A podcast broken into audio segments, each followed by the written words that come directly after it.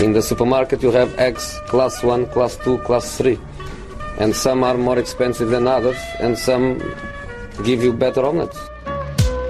That's the wrong information. Wrong, wrong, wrong information. I didn't say that. That's the wrong information. Do you think I'm an idiot? Wrong, wrong, wrong information. Now look at me when I talk to you. Your job is to tell the truth. That's the wrong Jovars, det var en entusiastisk start. Jovars, det är Jovars. du som, eh, jag har suttit där och väntat på dig. Du har riktigt jobb att göra. Ja, Eh, jag låtsas vara märkvärdig och ha andra, andra saker för mig. Men mm. Har du hittat någon ny, eh, någon, någon ny konflikt i media-Sverige som eh, du kan gräva i och st- sticka, sticka pinnar i? Ja, vi hade en diskussion precis om, om eh, hockeykommentatorer som skriker euforiskt när det blir gurgel. Jag vet inte vad, vad det kan resultera i men det är inte jag som startar de här eh, tanketrådarna. Att, Ordet gurgel. Ja, jag, jag har i och för sig inget, inga problem med slagsmålen. Eh, men vilket jävla fjanteri, är du sex år liksom? ja, fan. eh, det är ju det är jävligt konstigt. Ja. Det är ju ett jävligt konstigt inslag i eh, idrotten. Sen, så, sen ska jag tycka det ser, ser kul ut att titta på. Alltså jag börjar bli lite så här som ett barn liksom så här, ja nu slåss de igen. Ja. Eh, men eh, ja, det är om det. Nu ska Ja, vi prata det om det. fotboll. Ja det ska vi göra.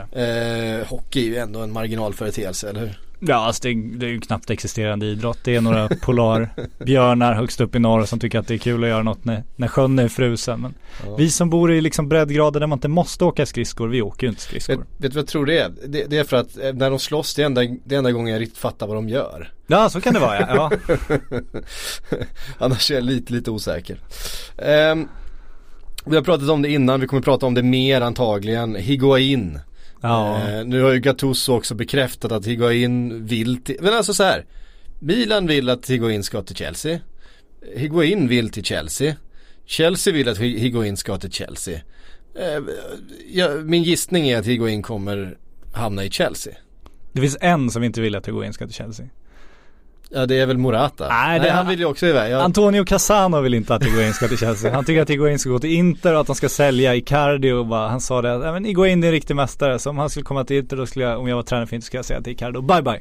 Ah, Okej, eh, jag håller inte riktigt med Casano Nej, inte riktigt, Jag nej. tycker att Casa, eller vad säger jag, att eh, Icardi är, är ett par strepp vassare Ja. än, än Higuain 2019. Kan man säga. Ehm, inte med det sagt att Higuain är slut. Jag tror bara, vi har varit inne på det tidigare, att miljön i just Milan har inte varit så gynnsam för honom. Eh, kan ju fortfarande spela var. Casano också inne på faktiskt. Ja. Att Milans problem är att de borde bygga ett bra lag runt Higuain inte och kasta bort honom. Det finns väl en liten sanning där. Det är ju ett misslyckande för Milan att de inte, det, det är lätt att hacka på Higuain för att han eh, är fullständigt usel den här säsongen. Men Mm. det måste ju, frågan måste ju ställas varför han var varit briljant de senaste åren och sen helt plötsligt så otroligt dålig. Eh, och det finns ju en sak som har förändrats och det, det är ju klubben och omgivningen. så det är väl ett misslyckande där minst sagt. Han har väl en brorsa som är ute och vevar också. Kan han mycket väl ha. Mm. Det känns väldigt argentinskt att ha en Eh, brorsa jag som är ute och vevar. Jag tror att han eh, har en, att hans brorsa är hans agent. Ja det är klart han är Eh, också. Sådär. Ja. Eh, sådär som man gör. En av många agenter förmodligen. Ehm, och så. Ja men det kan vi väl tro. Vet du vad? En annan, och det här tycker jag är roligt. Neymar vill ju ver- verkligen till Barcelona. Han vill ju inte vara kvar i PSG. Eh, jag såg på, eh, det var på sociala medier, jag tror det var på YouTube. Du är alltid Eh, väldigt stark i dina källanvisningar. Nej men är Gillen Belage. Ja, Eh, som ändå har viss insyn i Barcelona. Eh, han hade ju mer ja det hade han. Man ska inte överdriva hans betydelse Nej. bara för att han har ritat ihop några böcker. Det, men, men absolut. Jo men en, en, du har gång, rätt att fortsätta. en gång i tiden så hade han eh, definitivt var han en av journalisterna som blev betrodda med, med information. Så när han började jobba för Sky så får han ju inte den här informationen längre från, från klubbar och agenter och spelare på samma sätt som han fick innan. Men han har ju fortfarande en viss insyn i livsstilen där nere och, och, och kan spelarna och kan laget och sådär. Eh, och det här med att Neymar då enligt honom, så fort han är spelledig och inte har träning så är han i Barcelona. Han är hemma och äter middag hemma hos familjen Suarez, eh, han är ute och fikar med eh, Messi eh, och entourage och så vidare. Och det är liksom, han ser sitt liv fortfarande i Barcelona. Eh, vill väldigt gärna flytta till Barcelona. Samtidigt som han processar mot Barcelona för att få ut eh, sin sign-on eh, bonus, sin sign-on klausul som han aldrig fick då när han då blev köpt till PSG. Så att han bedriver en, en, eh, en rättslig process mot klubben han egentligen vill till. Samtidigt som man då hoppas att klubben ska betala vad det nu blir ett par miljarder för att köpa loss honom från PSG-kontraktet. För det är vad det kommer kosta. Eh, PSG kan ju inte gå för mycket förlust på den affären. De sitter ju rätt pyrt till eh, FFP-mässigt fortfarande. Eh, så att eh, snacka om att vilja ha kakan och äta den samtidigt. Ja, sen är jag lite rädd att du kliver ner i den här berömda Barcelona-fällan nu. Att man, man tror på all den propaganda som sprids nu för att de liksom ska jaga loss Neymar från, eh, från PSG. Det här så vi varit inne på förut den här Cesc Fabregas taktiken och allt det här. Mm. Att, och det känns som eh, den gode Ballage här kanske har sina liksom närmaste vänner där i Barcelona-kretsarna som kanske också ser att det finns en poäng i att de här uppgifterna sprids så att det då påstås att Neymar hela tiden hänger i Barcelona och sådär. Han var också inne på att, att de här uppgifterna eh, mycket väl kan vara sådana som Barcelona använder för att driva upp priset vid eventuell Real Madrid-övergång. Ja. För, för Neymar. Eh, vi måste hålla, hålla priset eh, högt att det finns andra intressenter. Ja, ja. Eh, om eh, PSG nu kan tänka sig att släppa Neymar och han vill lämna. Eh, det har ju pratats om Real Madrid väldigt mycket för Neymar. Men det blir väldigt spännande också PSG just eh, hela det här Qatar-projektet. Eh, det känns ju som hela tanken var att det skulle någonstans pika där kring eh, hemma-VM. Och det är ju ja, tre och ett halvt år kvar dit. Man hade ju tänkt att de kanske skulle hålla Neymar tills dess då liksom och för att få den här maximala PR-vinsten och bygga upp, bygga upp allting. Om de då ska släppa honom, de måste ju inte bara liksom kompenseras ekonomiskt utan de måste också kompenseras anseendemässigt. De kan ju inte liksom börja eh, montera ner sitt stjärnbygge i, i Paris nu eh, långt innan VM, VM ens har börjat. Så det blir intressant att, att se hur de gör om de då gör på klassiska Qatar-manér att de helt enkelt bara tar Neymars pass och förbjuder honom att åka någonstans som de gör med alla andra sina arbetare. Det, det är ju bara spekulationer, det hade ju kunnat ske kanske. Det har ju funkat för dem. Ja, det funkar alldeles utmärkt. De har ju byggt eh, en av vinterns bästa eh, semesterdestinationer om man ska tro, tro diverse sociala medier och eh, andra som lägger ut så fina bilder därifrån. Ja, det är helt otroligt. Men ah, vi får väl se det. Jag tror ju inte att det finns någon möjlighet för Neymar att flytta för att ett, eh, han kommer aldrig få PSG att gå med på den ekonomiska förlusten som det skulle innebära för honom att lämna och säga upp sitt kontrakt. Eh, Han kan väl inte säga upp sitt kontrakt heller? Han kan inte säga upp sitt kontrakt. Nej, och det finns ju, om jag är rätt informerad, den här typen av utköpsklausuler som spanska klubbar måste skriva in där de Mm. ibland då sätter rena fantasisummor, vilket de trodde att de hade gjort på Neymar. Mm. Eh, det är väl förbjudet enligt franska ligans eh, regler om jag har förstått det hela rätt. Så att det kan inte ens existera ett, ett sånt i hans kontrakt. Det är ju kulturer som möter varandra där det ena landet då måste ha det och det andra, och det andra gänget inte får ha det. Och så gillar man kulturen också där Neymar då eventuellt säger ah, jag ska flytta och sen ska han upp då till shejken i Qatar som är vana att göra precis vad fan de vill med vem som helst. Och, och ska de behandla den här bångstyriga brassen, kommer in med sina rastaflätor och dunkar dem i bordet och säger jag ska härifrån. Ja det, det vill man ju se hända. Ja, ja.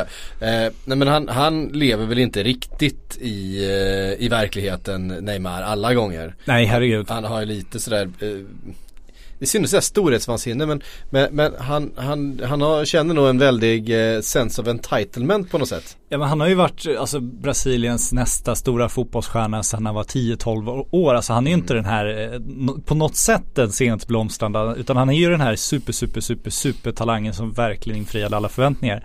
Och han har ju haft den stämpeln på sig som liksom killen som ska, ska f- rädda Santos ekonomier väl först och sen erövra världen och bli brassarnas nya och liksom, Han har ju särbehandlats hela sin uppväxt. Det är klart, att förvänta sig att den killen som har satts på den pelaren så tidigt ska växa upp och bli en, liksom, en normalt fungerande person och se sig själv på samma nivå som alla man, andra människor på jorden. Det, det är att förvänta sig lite mycket tror jag.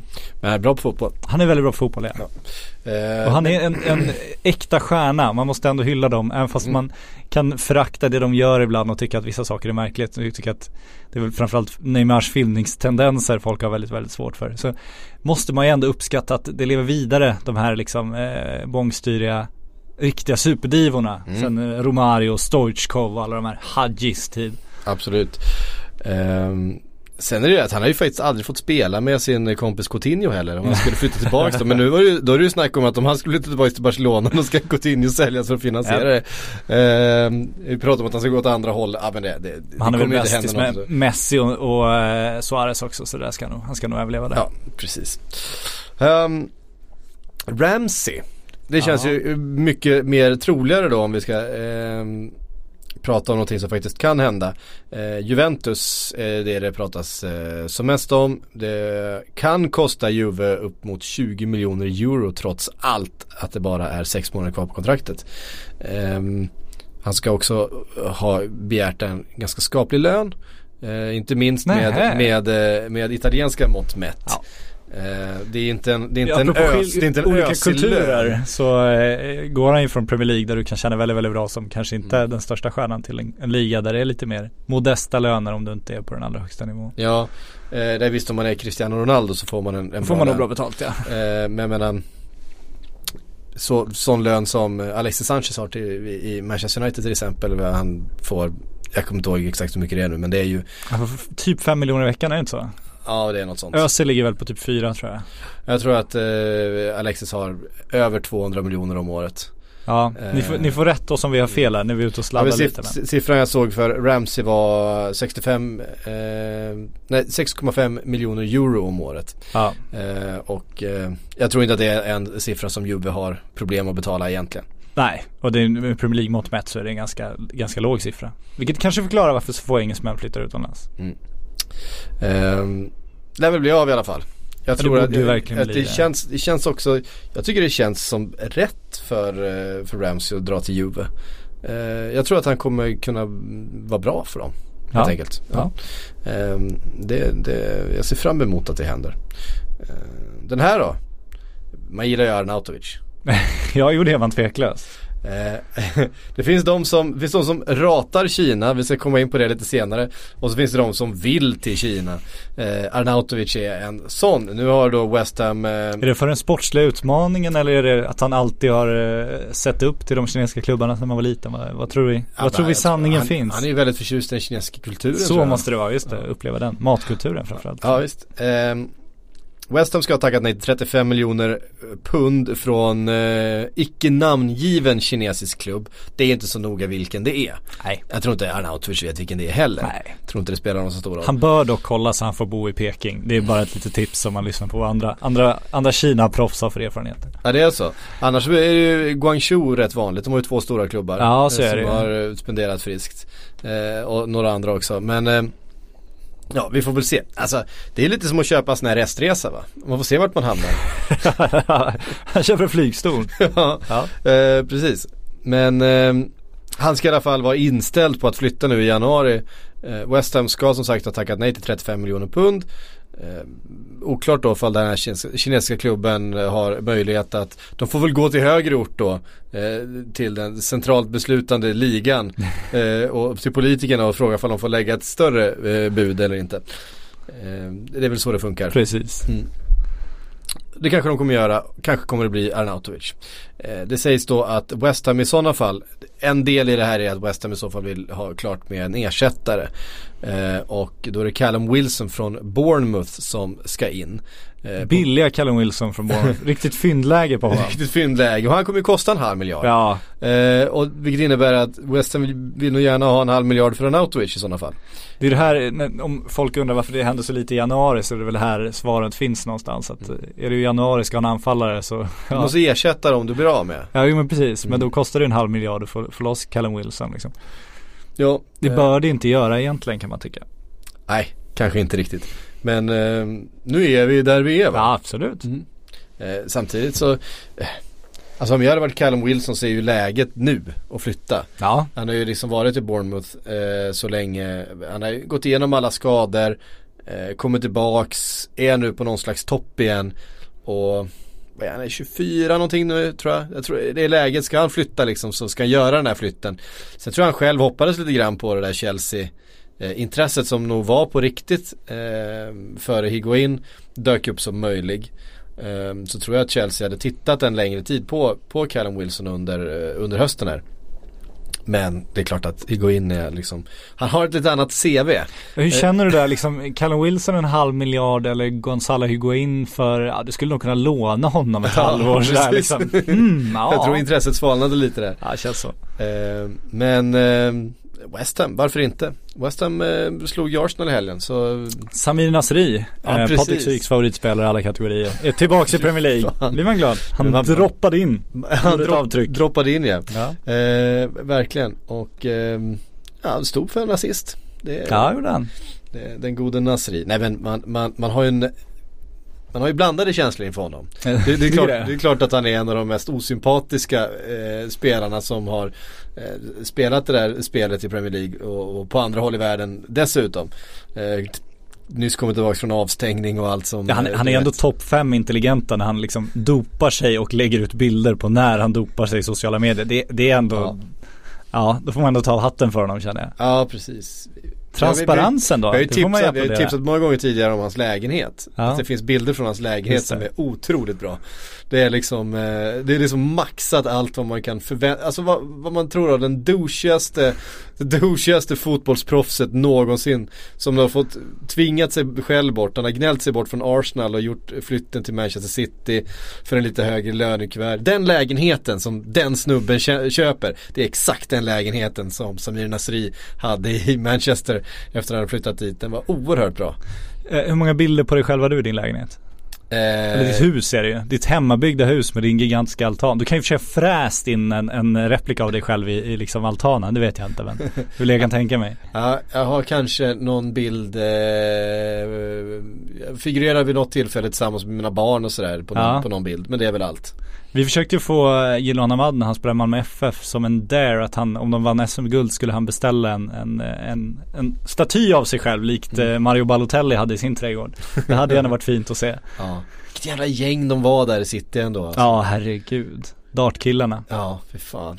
Men det är ju, alltså jag, jag kan ju inte släppa det här med inredningen och fotbollsspel. Det är så fascinerande att följa upp sociala medier. För vilken annan människa kommer på idén, framförallt de som inte har familj, att hänga upp foton på sig själv i sin lägenhet. Alltså det är ju så, det är så absurt så att det finns ju inte på kartan. Alltså, och Quaresma hade väl inrett eh, sin sons rum med liksom en stor bara fondvägg på sig själv när han spelar fotboll. Mm. Det är ju bland det bästa jag sett också. Det är, ja, fascinerande. Jag är snudd på mållös. Ja, Jag hittade, eh, ganska snabbt där hittade jag en bild från, eh, från Samir Nasris Ja, eh, hans lilla hot tub där nere i källaren va? Ja precis, bara hänget, där, det är en bardisk det där tror jag. Ja, det kan det också vara. Det är väl en bar i poolen kan man tänka. Ja, någonting sånt. Eh, för den här poolen och alla neonlampor runt omkring och så här. Det, Det här alltså- är bra radio. ja men alltså, eh, ja, men jag, jag utgår ifrån att ni sitter och googlar samtidigt måste som, ni som ni, titt, ni lyssnar på det här. Eh, det finns oerhört mycket bra bilder där. Det är, är ju en, eh, eh, en spektakulär lya på, på så sätt. Man vill, som- man vill ju veta hur han bor nu. Ja, så är det ju. Jag har ju också som socialt experiment en gång eh, gjort om eh, Quaresmas barnrum till Erik Nivas barnrum. Bara för att se hur det skulle bli om man har en gigantisk plansch på Niva som fondvägg. Och den finns på Instagram i arkivet. Den är, det kan man också få en känsla av hur det skulle se ut. Den tycker jag är stark. Ja men den är bra. Ja, Den är bra, den är viktig. Eh, Den ligger ute. den ligger ute. Googla på. Ja, Eh, tillbaks till eh, de viktiga grejerna. Eh, Samir Nasri eh, och Arnautovic var vi inne på på väg ut från West Ham. Eh, Morata då? ja Vart ska Morata? Jag tror fortfarande på Sevilla. Men jag, det känns som han måste ju till Spanien nu. Nu är det dags att, att ändå eh, komma hem och börja om som man brukar säga. Och, ja, han kommer ju inte kliva in i, i Real Madrid nu. Det tror jag inte. Och. Barcelona är ju av förklarliga skäl uteslutet. Och Atletico Fast- Madrid fast kan man också strunta i. Val, Valverde var ute och, och, och hyllade Morata Ja, nu och fick ju frågan och det, ryktena går ju om att att eh, Barca ska vara intresserade. Nu har man ju liksom ingen riktig striker bakom Suarez. Eh, och eh, Sevilla köpte väl nu, hur var det nu? Eh, det var någon som de gick miste om nyligen som Barca hade tittat på så de skulle titta på lite alternativ. Eh, och då dök ju då Morata upp. Ja. det blir ju svårt för en eh, Madrid-kille som eh, Ja som det blir det Morata. ju och då känns det som Sevilla eller kanske ett, ett Valencia som gjorde sig av med en eh, Batshuayi nu. Eh, vi får se, men någon, någon sån eh, mi- mittentoppklubb med ambitioner om du förstår vad jag menar. Någon under de eh, allra största tror jag hade, Mm. hade funkat bra för Morata. Ja. Ehm, vidare till eh, Paredes. Argentinaren. Eh, sägs förhandla med Chelsea då som ersättare för Fabregas. Sarri har ju sagt att han, att han gärna vill se en ersättare till Fabregas. Eh, kan det vara Paredes? Jag tycker framförallt att det är fascinerande med hela Chelsea nu. Verkligen, det var vi också inne på tidigare med att sportchefsrollen är så tydlig. För Sarri är ju, är ju inte nöjd med att eh, Fabregas försvinner. Nej. Eh, han har ju sagt att om han, om han eh, ägde klubben så skulle han ju ta bort den här regeln de har. Att om du är över 30 så får du bara ett ettårskontrakt. Och snart kan ju David Luiz också eh, hamna i samma situation. Och Fabregas fick väl tre och ett halvt år i Monaco. Tror jag. Eh, och jämför det med att få ett år i Chelsea, ganska stora, ganska stora pengaskillnader där. Eh, och du blir ju inte mer attraktiv ju äldre du blir. Så att, eh, det känns som en lite snäv regel tycker jag, precis som Sarri och har liksom så generellt att är du över 30 så får du inget, inget flerårskontrakt. Tycker generellt sett att Sarri har ju rätt. Det är alltid. Ja, men alltså, han har ju sällan fel i alla fall. Nej, Tycker han verkar inte. vara en person som ofta har rätt. Det han känns väldigt öppen och det tycker man ju om. Han vågar ju berätta vad han tycker och sådär. Och, och även nu i, i Chelsea där det känns som han kanske inte har den allra starkaste positionen trots allt. Så vågar han ändå hela tiden vara öppen mot liksom med sin, sin, sina intryck av ledningen och deras beslut. Så att det applåderar vi honom för. Sen Paredes, eh, hans eventuella det känns som de behöver ju bara hitta någon möjlighet att få någon nu. Eh, och, Zenit eh, Sankt Petersburg som han spelar för ska sägas har eh, tackat nej till då ett bud på eh, 26,8 miljoner pund. ja. Ehm, och det ska väl vara bekräftat att det budet har lagts men det är ju ungefär i, i nivå med vad Zenit betalade för Paredes en gång i tiden så att eh, det tror jag de får jacka upp ett par snäpp om det ska gå i hamn den här januarifönstret. Ja och ryska klubbar gäller väl fortfarande att deras problem är inte att få pengar så att de har råd med spelare. Deras problem är att övertyga tillräckligt bra spelare att komma till Ryssland. Det finns väl en del fördomar där fortfarande och en del sanningar också som gör att det inte är så lockande för alla att komma dit. Så att när de väl får tag på en guldklimp så har vi sett genom historien att då håller de ju väldigt, väldigt hårt i dem. Mm. Eh, Budgie vill du prata om? Ja, Aliou Badji. Mm. Inte, det finns andra Badji som hade varit trevligare att prata om. Det är en annan sak. Vem tänker du på? Gamla legendarer va? Tänker du på Baggio nu? Nej, Badji. Hadji? Hadji. Vad fan? Blandar du, är, är det en sammanslagning utav, utav eh, Hadji och Det är den, Baggio? o- det är den Det här är optimala ni- ni- fotbollsspelaren. 94, det är den, o, o, o, vad säger man, optimala VM 94-spelaren Exakt. liksom. Det, det är eh, hästsvansen och divalaten. och, Ali eh, Obadji. Alltihop. Ja, Ali Obadji. Jag tycker att det är fascinerande det som händer nu. För att det, man älskar när klubbar är transparenta med saker och ting. Det, det applåderar jag alla dagar i veckan. Men det Djurgården gör nu gör ju att Ali Obadji hamnar i en väldigt speciell situation. Säga, I fredags fick vi reda på att det finns ett väldigt starkt kinesiskt intresse för Badji. Innan dess var det, var det snack om framförallt franska klubbar. Eh, och då ringde Bosse Andersson i fredags och då sa han själv att eh, det finns ett intresse för Kina men buden är från Frankrike. Och Badji vill till Frankrike så det är Frankrike som är det hetaste spåret. Och i Frankrike kan man tänka att Djurgården kanske skulle kunna få 25 miljoner kronor för Badji om de har tur skulle jag nästan säga. Då är det väldigt bra betalt för så mycket har han trots allt inte imponerat. Eh, Kina, det jag hörde var att det fanns liksom intentioner och sådär från kin- kinesiskt håll att 38 miljoner kronor ungefär vad man diskuterade. Eh, och nu går Djurgården ut och säger att de nobbat ett bud från Kina som ska överstiga då det, den dyraste försäljningen de gjort vilket betyder att det borde ligga över 40 miljoner kronor. Och anledningen till att det nobbas är att Badji själv har sagt nej. Djurgården ville sälja men Badji ville inte och bli kvar av den anledningen. Och nu säger Djurgården då att nu jobbar de efter att han blir kvar hela 2019 bara för att han sa nej till det här. Och det är ju bra med transparens och så. Men nu blir det ju så att Ali Badji då Går han dåligt i Allsvenskan nu så är han killen som har blåst Djurgården på 50 miljoner. Eh, är det rätt sätt att behandla en, en, en 21-årig kille på? Framförallt när jag tycker att hans skäl till det här är väldigt, väldigt de, de köper jag rakt av. Han vill inte till Kina. Han vill bli Afrikas bästa spelare. Han känner att Kina är inte rätt steg för en 21-åring. Det kan väl alla hålla med om. Han vill till Frankrike, vilket Bosse själv har sagt. Och det kan man också förstå. Han är senegales. eh, De har språket gemensamt. Det finns liksom en stor, en stor kultur där som han skulle känna igen sig i. Han skulle kunna komma in i liksom samhället på ett väldigt, väldigt smidigt sätt. Så Kina känns ju rent utvecklingsmässigt som den absolut bästa, eller Kina, Frankrike känns som den absolut bästa övergången. Att Djurgården har suttit och avfärdar det franska intresset nu för att kineserna då förmodligen har betalat nästan dubbelt så mycket.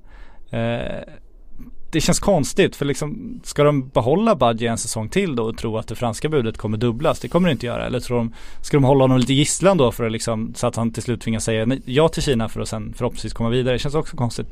Så det känns som ett, ett väldigt konstigt drag. Det känns som Badji hamnar i en väldigt obekväm situation som han inte förtjänar riktigt.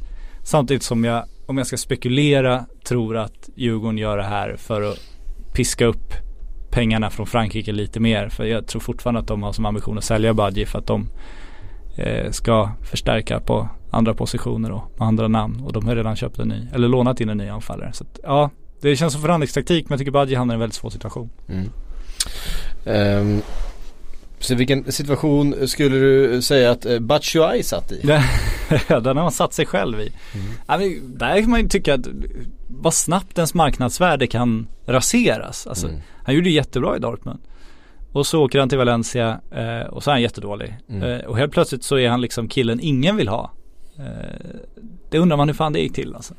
Ja, eh, nu snackas det om Monaco. Ja, Eh, Monaco som försöker värva sig ur sin kris. Eh, uppenbarligen. Men det är klart, har man inlett ligan med att typ bara spela tonåringar i hela första halvåret. Sen ta in Thierry Henry som, eh, som tränare. Kanske man behöver ha in någon som har, som har spelat några säsonger som finns med på planen också. så är det väl och det är väl en jättebra rekrytering. Om de kan låna honom såklart. Ja. Eh, och Henri känner ju honom väl. Henri var ju hjälptränare till belgiska landslaget under VM i somras. Eh, och där är Batshuayi varit Ja inte första anfallare men han har ju varit eh, en pålitlig rollspelare om man ska uttrycka sig så. Så det är väl en bra affär av Monaco och säkert bra för Batshuayi också men den här lånekarusellen han är ute på undrar man också vad den ska resultera i. Vad är hans karriär Ja, på väg precis. nu? Monaco skulle, Dortmund skulle vara språnget upp och istället så har han liksom ja, rasat ner. Mm. Ehm, det känns i alla fall som att det är, är ganska nära med Monaco nu för att eh, han ska inte spela i Chelsea i alla fall. Det är så, så, Nej, mycket, ju. så, så mycket är klart. Eh, det pratades om utlåningar till, till England men jag tror han själv inte ser, han är inte så sugen på, på Premier League och du vet spela en Eh, ja men det är så här, Crystal Palace har det varit prat om till exempel. Stoke borta, en rainy day och så är vidare. ju Stoke inte kvar i Premier League. Nej nej. Eh, men eh, Ordspråket är kvar. Precis, vi brukar prata om Burnley nu för tiden. Är det så? Burnley Det är det borta nya. på en tisdag. Eh, Men han är väl, ja, det, halva Belgien pratar ju franska och halva flamländska. Jag gissar väl att Batshuayi är franskspråkig dessutom. Så att, eh, en vända i Monaco. Eh, Belgien, ja Monaco ligger ju inte riktigt i Belgien. Nu är, Nej, du, nej, men- du också Jag, nej, jag säger att Batshuayi är från Ja, Belgien. från- Ja, ja. ja, när han behärskar nog eh, Det franska språket. Ja det tror jag Så jag tror att han hade kanske kunnat trivas där. Det är ju trevligt i Monaco annars. Eh, våren liksom och sådär. Man, Ja. man får, kanske januari är lite sådär eh, större men någonstans i ah, februari, mars börjar det liksom blåsa varma vindar nere vid, vid Kan du lägga till med din lilla yacht och- Côte d'Azur och eh, Gå in och spela bort din veckolön och så vidare. Ja precis. Ja, Betala ingen skatt. finns väl charmigare ställen än, än Monaco kan man säga. Men eh, det är väl det ultimata fotbollslivsstilsplatsen på något sätt. Eh, Mm. Nu när de inte kan, alla vill spela i Dubai igen där de semestrar hela tiden så eh, kan man hitta andra ja, platser med vi- vissa tveksamma regler och så vidare. Men det är ju en, en annan sak. Jag har verkligen inte fattat grejen med, med Dubai. Jag, har ju- jag har aldrig varit där. Men vad fan det är väl bara öken? Ja, men det är varmt, det är väldigt, väldigt lyxigt och det är ingen tidsskillnad. Varsågod. Är det ingen tidsskillnad? Hur kan det inte vara tidsskillnad där borta? Ja, du får fundera på det. Men det De har bara löst det. Ja, de har bara löst det. Nej men det är därför fotbollslagen åker dit hela tiden. För att du inte behöver göra den. Du kommer väldigt långt bort från vintern till sommar och du behöver liksom inte vrida på dygnet. Nej nej. Eh, det kan jag förstå i och för sig. Sen är det den här nackdelarna då, då ska vi nämna dem också för transparensens skull. Det är ju det här eh, att det inte finns någon jämställdhet överhuvudtaget. Att de behandlar sina anställda som slavar. Och, och att det, det inte finns några som helst skäl att försvara en resa dit. Så om ni tänker på semestra i Dubai eller Qatar så tycker jag att ni ska tänka om. Alltså jag är fullt medveten om, om allt det negativa Ja, med, bra. med att åka dit. Jag har bara aldrig fått någonting positivt Nej, presenterat nej, nej. för mig. Jag tycker också att alla Har du inte sett videon när han saltar köttet? Har du inte sett det? Det är väl skäl nog att åka dit? Nej det är verkligen inte det. Därför Eh, Ribéry åkte dit, därför Lewandowski åkte dit. Därför Neymar åker dit. Ja, jag, jag, jag förstår det inte alls men eh, visst, visst. Jag, Han saltar ju uppifrån, längs armbågen. Ja, Vad är det du inte förstår? Är den bilden från Vad är det du inte eh, förstår? Är, den bilden från Dubai? Ja det är väl från Dubai. Jaha, trodde det bara Den var bilden, det är ju kryllig av video. Det är, det är ja. Ja Han det, saltar ju uppifrån längs armbågen. Det är värt att åka runt jorden för. Ja. Uppifrån längs armbågen. ja det kanske man kan tycka. Frankie de Jong har vi varit inne på. Ja, många Eh, gånger. Han ska inte någonstans i januari. Manchester City behöver dock förstärka på centralt mittfält eh, och framförallt på den här lite mer sittande positionen. Um, nu har nu börjat kika på Ruben Neves. Eller börjat kika på jag tror de vet ganska väl vem Ruben Neves är. Men ehm, eh, Wolves har satt en väldigt hög prislapp och City verkar inte vara så sugna på att betala några överpriser för en vad ska vi kalla honom för? En, eh, ett plåster. eh, en plåsterlösning, en tillfällig lösning. Eh, eventuellt. Det är ju en ung kille och han kan säkert bli hur bra som helst där. Eh, har ju dock typ spelat sig ur startelvan i, i Wolves. Har inte varit så bra den här säsongen. Det är så märklig, hela transfern är ju en Jorge Mendes transfer ju med Wolves eh, och så vidare. Han lyfte ju honom från Porto för att sätta honom i Wolves då. Men bara det var ju helt, han var ju alldeles för bra för Wolves när han kom dit. Alltså det, direkt att han satte foten där så kom det rykten om att han skulle vidare. För det, det var ju en slags pe- penna, peng, penningtvätt är ju lite hårt att, att säga men det, det känns ju som det var Jorge Mendes sätt att, att göra Porto nöjda och sen så ser han Wolves och så tänker han att han ska göra 200 miljoner till i vinst där eh, när han drar dem vidare. Det har hela, man har hela tiden väntat på det men men eh, Guardiola var ju ganska tydlig med att de kommer inte betala det som det ryktas om i Ruben Neves fall. Frenkie de Jong sa ju också att om Barcelona och Real Madrid är intresserade då, eh, då är det i de flesta fall eh, hopplöst för dig att konkurrera om du är Manchester City då. Eh, och Barcelona ska ju vara väldigt, väldigt sugna på Frenkie de Jong. Så att jag, är- vi, vi vidhåller nog, poddens officiella hållning är nog fortfarande att Barcelona eh, har pole position där va? På de Jong ja. Ja, Jag tror det. Eh, PSG såg det ju väldigt, väldigt mycket ut som ett tag men, men eh, det blir väl Barcelona. Ja det känns ju så. Och då ska Ruben Neves någonstans. Då ska Jorge Mendes placera honom någonstans. Ska han också till Monaco då? Kanske inte just nu. Han men- har satt ett gäng i Monaco Ja, tidigare. gjort. Eh, han har satt ett gäng i Chelsea också kanske. Eh, de kanske inte hade... Ruben Neves som ersättare till Fabregas då. Ja, ja. Det här kan vara någonting men Till sommaren i så fall får vi undersöka här. Ja kanske. det, det, det, det får det ju vara eh, i sådana fall. Eh, Manchester United ja. går som tåget. Ja, nu, nu får man ändå någonstans tycker jag tona ner som tåget efter den här Tottenham-matchen för att han får ju väldigt mycket cred nu Solskär igen. Eh, Ja. Men den här gången får man ju bara liksom konstatera att de hade ju David de Gea och eh, en del tur. Så får vi ändå säga. Det var ingen taktisk triumf. Nej, alltså eh, Solskär har fortfarande mer att bevisa det tycker jag. Det, men det är väldigt mycket ett lag som eh, som lever på en helt ny liksom, entusiasm. Ja, har fått syre in Ja. i laget eh, efter att Mourinho lämnade. Eh, Paul Pogba var ju fantastiskt bra igår till exempel. Eh, Det är så fascinerande att läsa bara om så här, eh, jag tror det är norsk press, de, de, de har gjort så här specialsidor till Solskär nu för att Mm, det, det är det är total eufori där.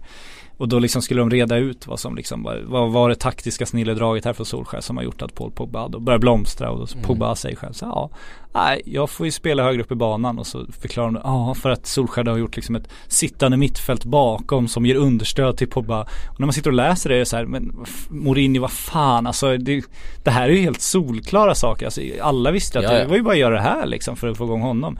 Plus lite psykologi då men ja, jag men, tror att men, jag, att jag, han har, men att han har varit i den här nästan sittande rollen så länge är ju helt Mm. eh, Men dels har han varit det, men han har haft en jag tyckte, jag tyckte Martin Åslund var inne på det bra i, i eh, studion igår. Där han, eh, enkelt, det verkar som att Mourinho faktiskt inte förstår anfallsfotboll.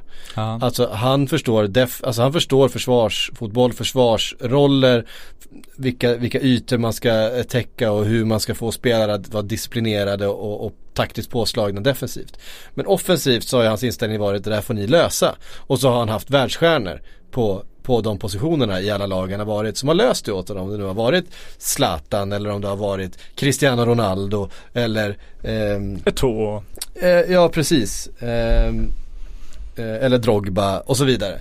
Så eh, det kändes som att en, en sån spelare som Lukaku ändå behöver han behöver en roll, han behöver en uppgift eh, offensivt och att liksom, det finns en yta för honom. Att vi, vi har ett anfallsspel som faktiskt eh, gynnar Paul Pogba.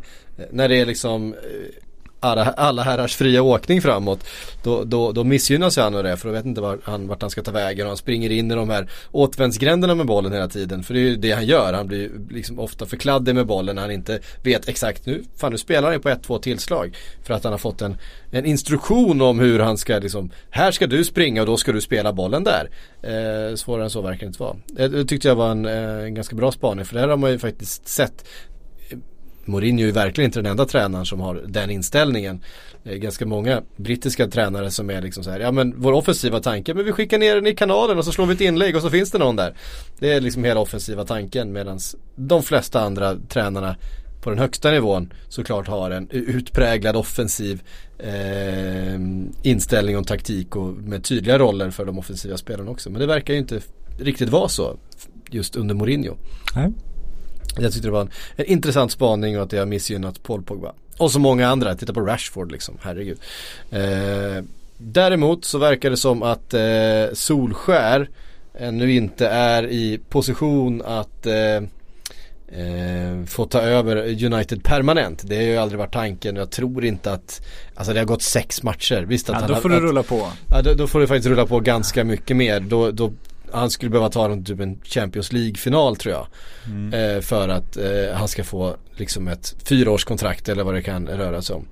Eh, det det ryktas om nu är ju dock att Gareth South, South kan inte prata, Gareth Southgate eh, is under consideration Ja, eh, för att bli nästa då permanenta Manchester United eh, tränare. För det är det det ska handla om också, det ska in en sportchef där. Ehm, under Ed Woodward eh, Eh, är väl förhoppningen. Får se vem det blir. Eh, om de eh, väljer att gå på ett fotbollsnamn eller om de går på ett businessnamn. Det finns ju två, verkligen två olika vägar. Alltså antingen så har man som, som Tottenham eller Liverpool att man faktiskt har en affärsman som, eh, som sportchef eh, i grunden. Eller så gör man som PSG när man anlitade Patrik Kluivert. hade Leonardo innan han var väl lite mer, lite mer framgångsrik. Leonardo var lite mer framgångsrik. Ja. Eh, och sådär. Ja, vi får väl se. Men Gareth Southgate. Ja, där känns det ju som de, det här klassiska sjukan att man tittar på namn bara och, och, och nuvarande position. För alltså, han tränar väl Middlesbrough, Borough var väl hans eh, första och enda klubbtränarjobb tror jag. Och då ramlade han väl ur Premier League. Eh, och fick lämna när de var nere i Championship.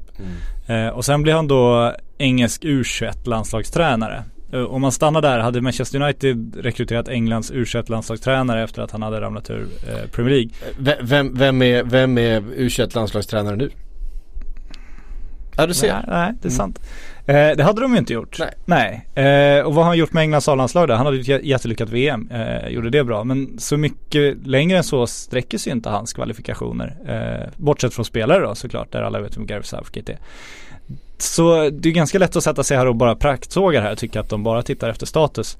Det som gör mig lite fundersam ändå, som kanske talar för att det här kan vara en ganska bra tanke, det är ju att Southgate är ju inte det här jätteegot som eh, kommer komma in och, och dra i alla trådar och kräva mycket makt. Utan han känns som en, en eh, om man ser till hur han fungerat på det brittiska förbundet i alla fall, eh, ganska stor lagspelare. Han känns som en diplomat. han känns verkligen som diplomat. Kommer när han tränade engelska u landslaget så mötte ju Sverige dem. Han, han gav ju ett väldigt eh, trevligt intryck. Kändes som han var väldigt nära truppen eh, och inte satt på sina höga hästar utan fak- faktiskt klev ner liksom på, på allas nivå och såg alla i ögonen. Det, det korta intrycket jag fick, det var ändå väldigt positivt. Eh, och om man tar den typen av tränare kan man hoppas att det är en sportchef då på väg in som verkligen ska få en tydlig roll. För om du ska ha Gareth Southgate till att och, eh, liksom styra det taktiska, flytta koner, utveckla spelare. Det kan ju vara jättepositivt säkert. Alltså, eh, där har säkert Marcus Rashford och andra engelska landslagsspelare mycket att säga till om. Kan säkert eh, liksom ge råd till United-ledningen kring deras bild av det hela. Om de tycker att han är en, en jättebra tränare som liksom de känner i engelska landslagssammanhang att han, han kan utveckla dem eh, och kommer med många bra idéer. Då kanske det är jättebra och så har man en, en, en liksom överstrateg ovanför honom som då har större makt över spelarförsäljningar och långsiktiga och förhoppningsvis även det långsiktiga spelmässiga. För sportchefen ska ju inte bara rekrytera spelare om det ska finnas liksom en hållbar modell. Eh, utan han måste ju liksom sätta den långsiktiga strategin. Vart är, vart är den här klubben på väg? Hur ska vi spela och ut efter det då rekrytera spelare? Så att det inte blir de här taktiska förändringarna så fort man sparkar och, och rekryterar en ny tränare.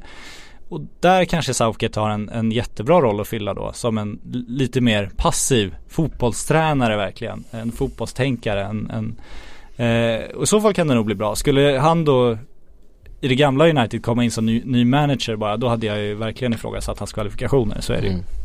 Nej, som sagt, och som tränare, han har ju visat upp på, på eh, ett taktisk hjärna un, under sitt tid i det eh, engelska landslaget. Mm. Att han har eh, faktiskt varit rätt finurlig med en del eh, taktiska lösningar. Inte minst under, under VM men eh, även innan. Det har varit ett lite, lite skevt landslag att, att få ihop. Eh, Och fått spelarna med sig verkligen, vilket Ja. känns som det kanske viktigaste i just Englands landslag. Det är många egon där som kanske inte, deras kvalitet kanske inte motsvarar deras självbild. Mm. Nej men just det där mycket att eh, det stora problemet, inte minst under de här åren Eh, alltså the golden generation då när Svennis var, var förbundskapten med, eh, med Lampard och Scholes och Gerard och Ferdinand och eh, Beckham och alla de där och kom från olika lag och de, de pratade ju inte med varandra. Utan där fick, fanns det ju liksom ingen utan de var ju i sina klickar liksom och var ju fortfarande rivaler fast de skulle spela tillsammans i landslaget. Det, det är ju naturligt att då blir det inte bra. Den där risken finns ju alltid när du är förbundskapten och alla dina spelare spelar i samma liga. Så då var det, verkligen den här stjärnförbundskaptenen, alltså Svennis Capello. Det var ju verkligen Mm. de, de, de namnen också som också kom in med en ganska hög svansföring i det hela. Ja precis och, och kanske inte hade den närheten till spelarna Mm. som de hade behövt eh, för att kunna enas i det här projektet utan de, de eh, förstod kanske inte alla signaler eh, spelarna emellan. Eh, alltså Tord Grip i all ära, han, han kan mycket om fotboll men han kanske inte riktigt uppfattade liksom Förstår det engelska Tonen. kynnet riktigt. tonen liksom under frukostbuffén mellan, mellan Beckham och Carragher liksom. Det... Det, Carragher ifrågasätter att Beckham har en hatt på sig hela frukosten för att han vill avtäcka sin frisyr inför pressen på träningen sen. Då kom Tord Grip fram med sitt dragspel och körde nu. Nu blir det dans. Exakt, och där, där tror jag så att Keke är, Grip. är, är en, eh, ja men det gör man ju. Är en diplomat och en, eh, en skicklig man manager skulle han absolut kunna vara. Ja, ja men precis och då Eh. kanske det finns en roll att fylla. Mm. Då ska jag kuppa in en ny grej i ditt körschema här för Ja. eh, IFK Göteborg har ju rekryterat en ny assisterande tränare här. Ja. Jag tycker det är intressant bara Hur kan det vara så mycket H som en assisterande tränare? Ja det är fascinerande. Jag har skrivit en, något som kan kallas för en krönika, jag vet inte riktigt. Men det är sammanställt lite forskning kring hur, hur liksom upplevelser triggas eh, av eh, fotbollsfans relation till sig själva, varandra och klubben. Det kan man läsa om man vill. Men det, det är inte den jag vill göra reklam för. Utan det jag tycker är Nej. intressant är, just eftersom vi pratar Manchester United och långsiktighet, att alla går mot den här sportchefsrollen nu för att liksom inte bli så sårbara när man tvingas sparka tränare hela tiden. Mm. Nu har IFK Göteborg en tränare vars auktoritet är ifrågasatt. Eh, och helt plötsligt får de in en assisterande tränare med en annan fotbollsideologi som är anställd av ett företag som skrivit ett treårskontrakt med klubben för att jobba efter den ideologin. Så huvudtränaren ska alltså förhålla sig till assisterande tränarens fotbollsideologi nu. Och de här rekryteringarna är gjorda samtidigt som IFK Göteborg fortfarande förhalar sin process med att skaffa en ny sportchef. De har intervjuat sportchefen men de har inte gett något besked till, till vem de ska välja och sådär. Mm. Så att då är det alltså klubbdirektören som rekryterar en ny assisterande tränare och väljer en fotbollsfilosofi till sin huvudtränare innan han rekryterar sportchefen som sen ska jobba med det här. Var sportchefen då inte heller kommer få några pengar för nyförvärv, för de har inga pengar. Så det, det är en intressant eh, rollfördelning vill jag bara påstå. Genialt. Ja, intressant. Alltså det är, så här, det är första gången jag har googlat en, eh, en allsvensk assisterande tränare tror jag. Ja, det är, ja, för att det är sån hype kring honom. Ja. Och han har gjort det fantastiskt Sundsvall såklart. Fast man vet inte riktigt vad hur mycket han har gjort och vad Joel Cedergren har gjort. Det vet ju bara de. Eh, men det, det är fotbollsideologin har ju Ce- Cedergren hyllat stort också. Samtidigt som Cedergren när han intervjuades av vår kollega Per Boman i september så, så sa han ju liksom att han, han stod helt naken inför den här ideologin. Det var helt, det var helt revolutionerande för honom. Och då frågar ju Boman då så här, men vad, är du inte rädd att alla bara ska sno det här? Men, nej, uppmanar alla att gå och läsa på det här. Det är, det är jättebra liksom. Det finns inga hemligheter. Så här, och vad beror den här stora framgången ni fått då? Nej, det är för att vi har så bra spelare nu. Vi har aldrig haft så bra spelare i Sundsvall och de har värvat spelare ut efter den här eh, Eh, liksom filosofin då. Och det här företaget kan säkert hjälpa IFK Göteborg att värva spelare men då måste de ju ha råd med dem också. Och, och då är frågan om inte det här företaget ska vara sportchef då istället för att det ska komma en, en extern sportchef och sen, och sen samtidigt om de då sätter sig i ett, i ett externt företags makt att de ska styra hela IFK Göteborgs framtida fotbollsfilosofi. Liksom vad är deras intention där? Hur mycket är de för att känna egen, alltså det finns så många frågor och det, det man måste efterlysa är ju tydligheten. Det, måste ju liksom komma en rak linje. Det, är- det är så djupt fascinerande det som pågår. Ja. Ehm, det är verkligen det. Ja, Och verkligen. så, just att det är Blåvitt också. För Ja. att de, de måste ju ta sig tillbaks. Ja. De är trots allt Blåvitt. ja. Eh, så är det ju. Ja, vi har fått en massa frågor. Eh, jag ska försöka beta av dem i någon slags tur och ordning här. Jag har en jag ser fram emot oerhört. Vi har redan börjat tissla och tassla på redaktionen. Ja. Eh, vi kan eh, bör mjukstarta lite Ja. med eh, Bear Hellstreams eh, fråga. Hur högt marknadsvärde har Pogba nu post Mourinho? Högre i alla fall. Högre i alla fall. Eh, Pogba är ju, det finns ju några unikum, eh, inte bara när det kommer till fotbollsspelare utan även då marknadsmässigt som vi gillar att prata om. Och det är väl bara två som är liksom högst upp. Det är Neymar och det är Pogba. Jag tycker de marknadsmässigt, den typen av spelare så är de ju ovanför Messi och de är definitivt ovanför Ronaldo nu som ju har fått sitt anseende ganska, ja, skapt i kanten. Exakt, eh, med all rätt om det här nu stämmer, vilket man Ja, ni får läsa anklagarna själv, anklagelserna själva och bevis och så vidare. Får man alla Mm. bilda sig en egen uppfattning. Vi ska inte agera folkdomstol här. Men vi konstaterar att marknadsvärdet kanske har sjunkit lite. Med åldern Inte just också. det här avsnittet. Vi kanske gör det i ett- annat avsnitt. Ja, Man vet aldrig. Eh, så att ja, vad kan vara Paul Pogba värd? Han är i alla fall värd två miljarder, det skulle jag ju utan att tveka säga. Ehm, Vad säger du? jag tycker det är svårt. Eh, jag tycker det, dessutom man, Jag tyckte det var lätt. Jag, jag, jag tycker man ska, eller jag hade i alla fall eh, vägt in det faktumet att han eh, faktiskt underpresterat när vinden har blåst emot. Mm. Eh, alltså om man ska jämföra med en annan, eh, en annan eh, United-spelare som, som eh, var väldigt bra igår, nämligen David de Gea. Alltså när hela laget kroknade, när det blev konflikter och allting, så var han fortfarande världens bästa målvakt. Mm. Eh, kanske inte under hela den här hösten när det har varit som allra bäst så har även han påverkats. påverkats. Jag tror han påverkats ganska mycket av sitt eh, dåliga VM i somras också.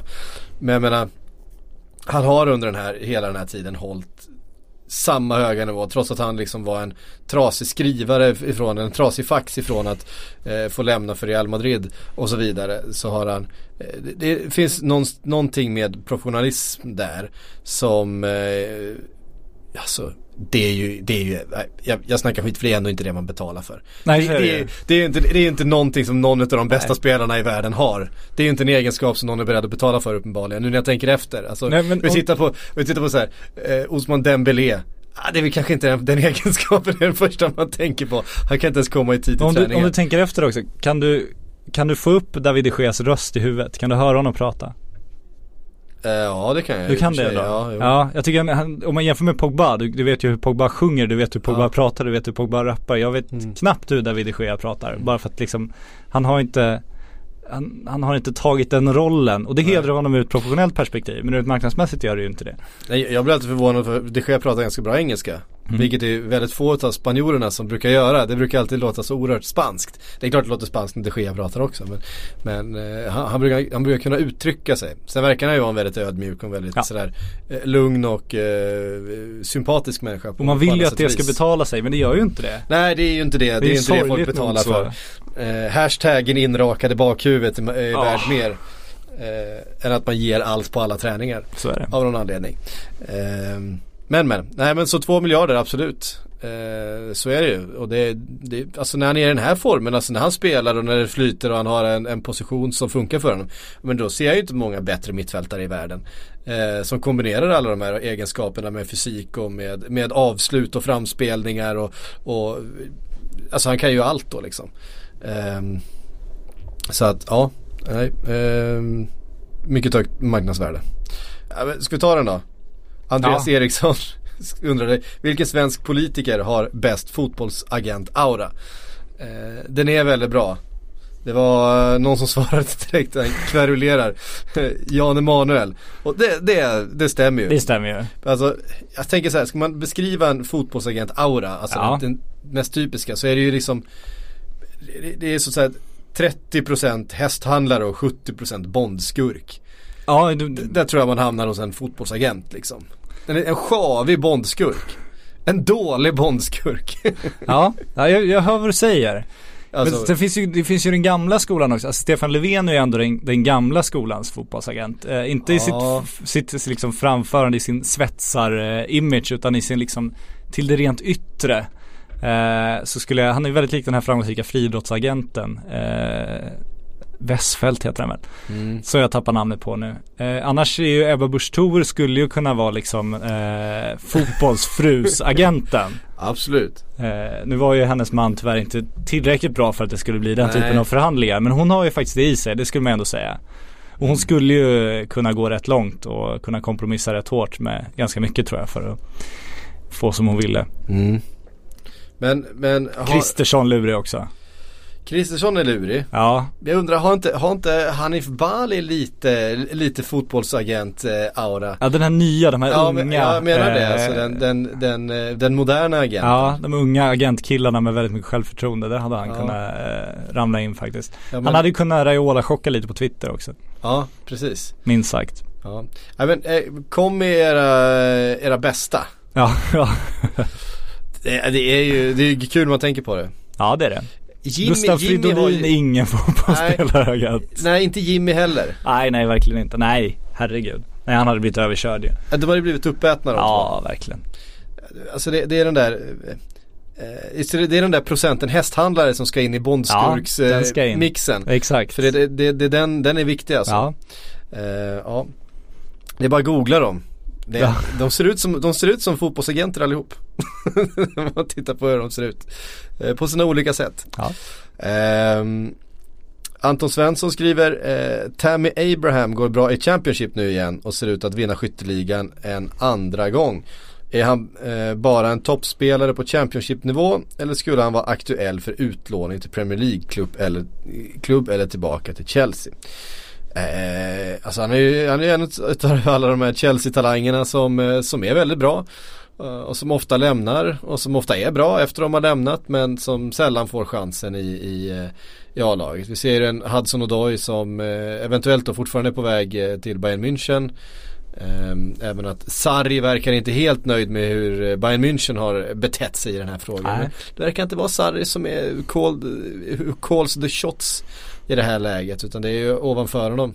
Men eh, det känns som också Championship och Premier League är verkligen två olika världar. Nu, vi ska inte fastna för mycket i den här gamla uppfattningen att Championship bara är sparka, spring och fysik. Mm. Det är ju mer sånt men, men är- den har ju tagit ganska stora steg på senare också. Men det är ofta man ser liksom Premier League talanger kliva ner och göra ganska bra och sen kommer de upp i Premier League och så är det liksom det, det är en rejäl jäkla nivåskillnad där. Det är lite Göran Marklund syndromet för de som kan dra den parallellen. Jag tänker inte gå in mer på den. Den, den får landa hos dem den landar hos.